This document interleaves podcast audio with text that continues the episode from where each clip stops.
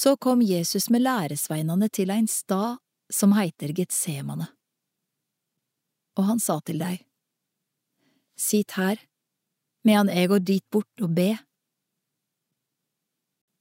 Han tok med seg Peter og de to Sebedeus-sønnene, og han vart gripen av sorg og gru.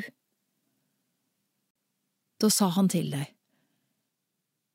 Mi sjel er sorgtyngd til døden. Vær her og vak med meg. Så gikk han et lite stykke fram, kasta seg ned med andletet mot jorda og ba, Far, er det råd, så lat dette begeret gå meg forbi, men ikke som jeg vil, bare som du vil. Da han kom tilbake til læresveinene, fant han dei sovende. Og han sa til Peter, Så makta de ikke å vake med meg ein eneste time. Vak og be at det ikke må komme i freisting. Ånda er villig, men kjøtet er veikt. Så gikk han bort att andre gangen og ba.